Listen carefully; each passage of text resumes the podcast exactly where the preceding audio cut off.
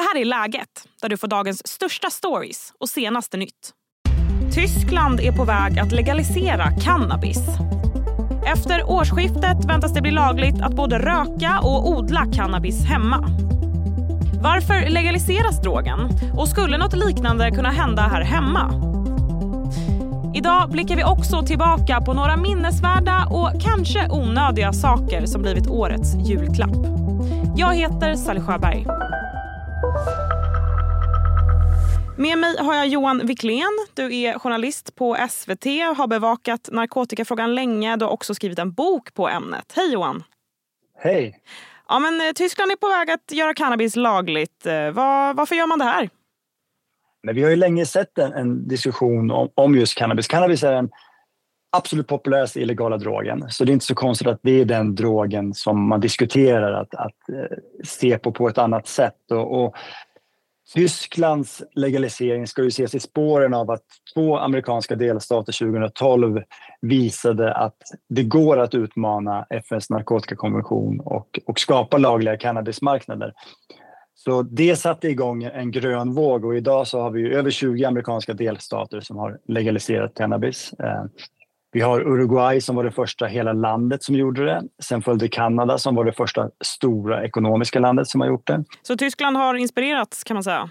Absolut. Och eh, vi har ett antal eh, länder här eh, med, med, Tyskland i spetsen som inom EU jobbar för en, en uppmjukning kring cannabislagarna. Det är också eh, Nederländerna, det är både Luxemburg och Malta faktiskt. Malta blev det första EU-landet som legaliserade och det här har liksom flugit under radarn lite grann för att Malta är ett litet land och så vidare. Luxemburg legaliserade i somras. Däremot har de inte skapat den typen av marknader som vi ser i Nordamerika, att man kan gå och köpa i butik, utan de har legaliserat odling hemma, bruk, man får inneha en viss andel eh, gram utan att bli, kunna bli liksom gripen och så vidare. Och det är mm. det vi ser i Tyskland också. Vi ser en mer europeisk typ av cannabislegalisering växa fram eh, jämfört med, med den mer kommersiella som vi ser i framförallt USA. Ja, hur, hur kommer det funka i Tyskland? Kommer man få röka hur mycket som helst? Eh, så här, det har ju debatterats ett tag. Eh, att det kommer att ske är väl otvetydigt, men eh, den sista lagtexten ska klubbas i december. Man trodde att den här lagen skulle vara på plats redan 1 januari. Det kommer nog inte att bli så, utan det blir i mars antagligen. Eh, det vi vet och som är troligt kommer att vara kvar i den sista lagtexten, det är att man kan inneha 25 gram om du är vuxen. Eh, det finns två sätt att få tag på laglig cannabis. Eh, antingen får du odla själv. Du kan odla tre plantor hemma. Eh, det andra sättet att få tag på laglig cannabis är att ge upp sin rätt att odla och gå ihop i, i så kallade cannabisföreningar eller social clubs där upp till 500 medlemmar då kan odla tillsammans och sen distribuera det här till sina, sina medlemmar. Mm. Men det är enda sätten från början att, att få tag i laglig cannabis. Eh, du lyfter Malta och Luxemburg här. Eh, ja. Men eh, Tyskland får man ändå säga det är ett större land, mer makt. Hur påverkar yes. det här andra europeiska länder tror du? Att ja, men Tyskland, och det är därför Tyskland har fått all uppmärksamhet. Alltså, det är ingen som bryr sig om, alltså, ursäkta alla som kommer från Malta och Luxemburg, men det är ingen som bryr sig om de små länderna. Eh, Tyskland är ju liksom eh, EUs ekonomiska motor. Det är en gigantisk ekonomi, har kulturellt inflytande. Man gränsar till eh, åtta EU-länder eller något sånt där tror jag, plus Schweiz. Så det är klart att deras legalisering kommer ju att få följdverkningar.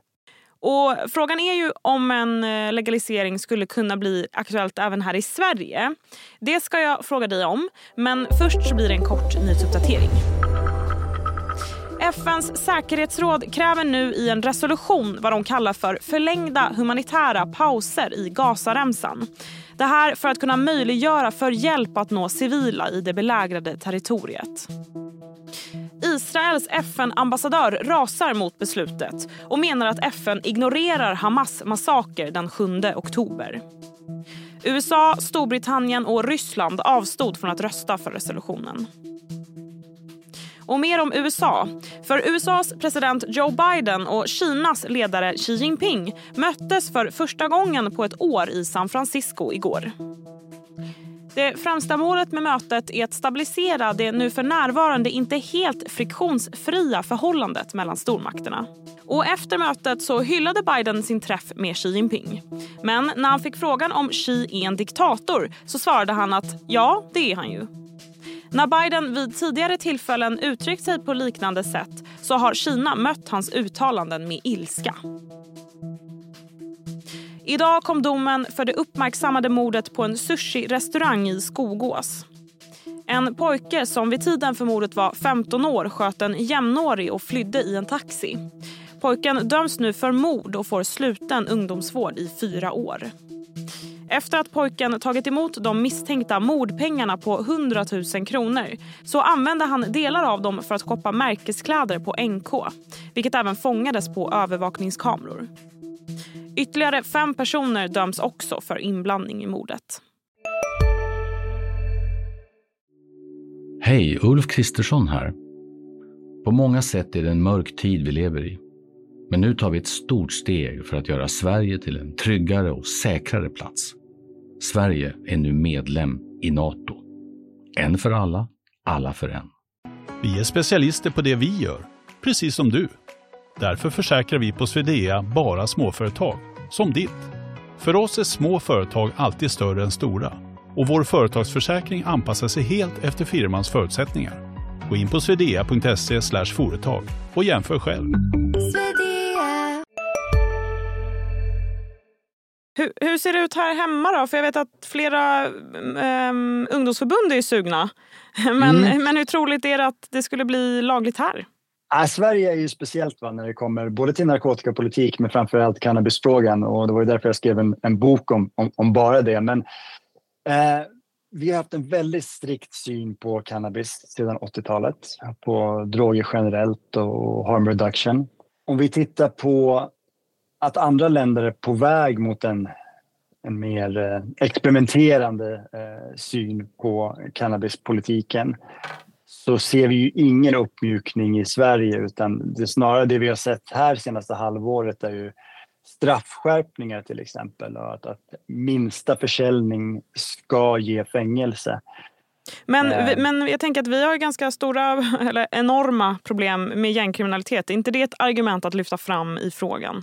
Det har ju blivit ett argument och eh, om man tittar hur man argumenterar i andra länder så eh, gängkriminaliteten kanske är en av 15 argument för laglig cannabis. Vilket, eh, vilket skulle du säga är det främsta argumentet för? men det, I grund och botten handlar det om att förbudspolitiken har misslyckats. Den har kostat väldigt mycket pengar och man har inte minskat problemet. Eh, och eftersom vi har haft den här förbudspolitiken väldigt länge nu så är det inte så konstigt att det kommer en pendel. Och jag skulle också säga att svenska politiker är lite speciella här. Eh, och nu pratar vi inte om ungdomspolitikerna, men, men generellt så har man ganska dålig koll på den här frågan för att eh, historiskt så har man bara svalt att Sverige är bäst, eh, resten av länderna har gett upp och eh, vår narkotikapolitik har funkat. Eh, nu vet ju de flesta att det inte är så. Men det är liksom inte heller någon svensk politiker som, som försvarar den svenska politiken längre. Eh, det är bara det att det är, vi har inte heller sett, som man kan se i andra länder, några politiker som kliver fram och, eh, och, och bröstar det här och, och står för en reform, utan vi ser det i ungdomsförbunden.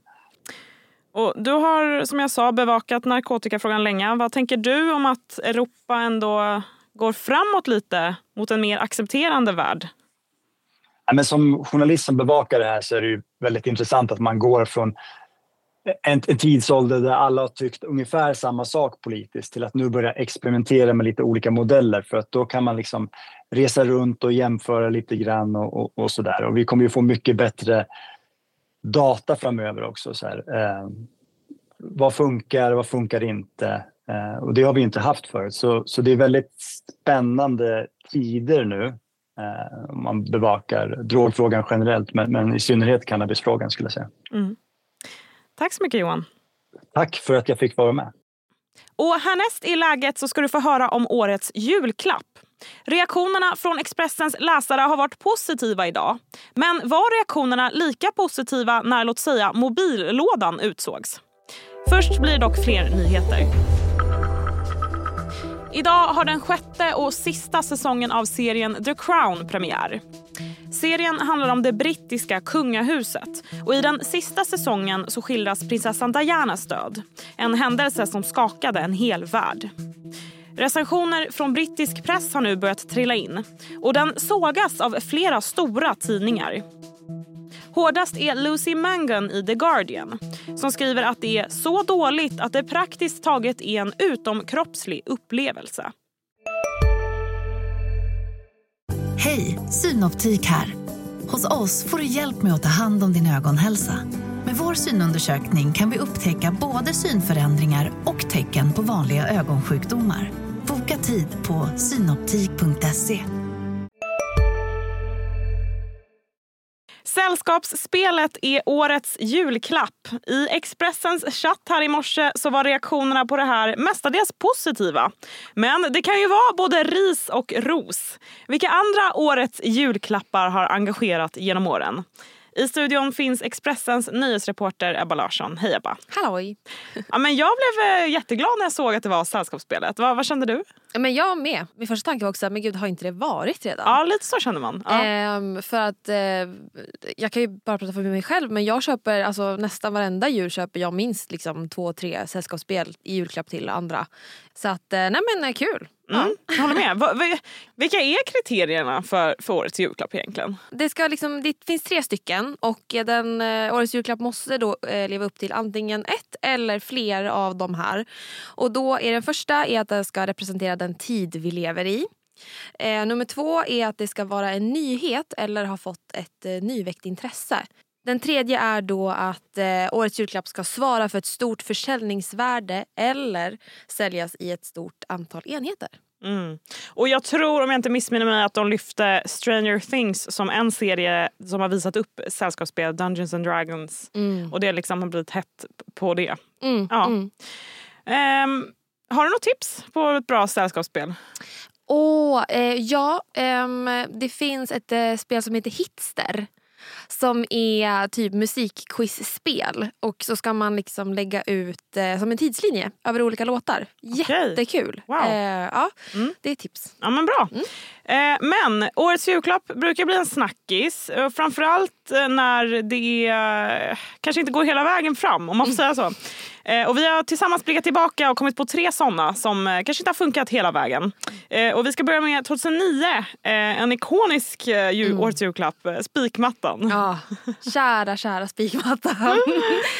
det, här, alltså, det är sånt starkt minne. Jag vet inte varför just spikmattan har liksom stannat kvar hos typ hela svenska folket som så här, en grej som alla skulle ha. Det är liksom otroligt. Verkligen. Och, och tvek om så många faktiskt tar fram dem lägger sig på dem.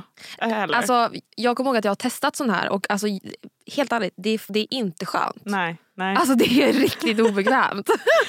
ja, nej. ähm, ja, men äh, en annan vi minns är 2019 äh, en riktig pekpinne, årets julklapp om man får säga så. Äh, mobillådan mm. blev utsedd. Mm. Vad tycker vi om det?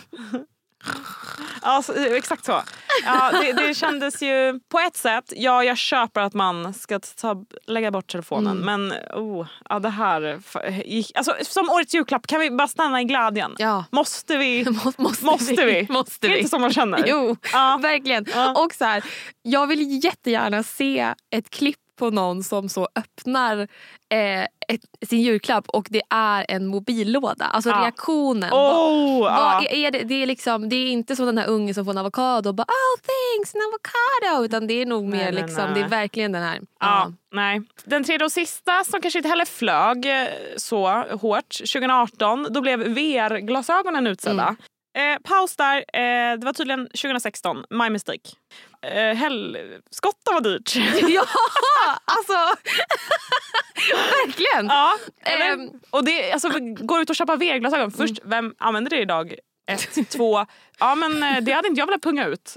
Nej men det är ju jättedyrt. Ja, ja. och, och det var väl lika dyrt, eller kanske inte lika dyrt 2016 när den utsågs. Men ändå pricey. Ja, det känns också som en så himla... Om man ser liksom till de här kriterierna så vet jag... Alltså det är klart att ja, teknik, digitalt, hej och hå. Men det känns liksom som att så här, här har man, det är stolpe ut lite känner jag. mm, mm, eh, mm, mm. Också älskar liksom att man har, gick från VR-glasögon till så mobillåda. I så här. Att det är liksom verkligen, Verkligen. kontrasterna. Ja, ja, ja, det var väl eh, personalbyte där. Exakt. Ja. ja, nej men, eh, kul med årets julklapp. Eh. Tack Ebba. Tack. Och det var allt för idag. Läget kommer ju ut varje vardag så se till att du följer podden så missar du inga avsnitt. Tack för att du har lyssnat. Du har lyssnat på en podd från Expressen. Ansvarig utgivare är Klas Granström.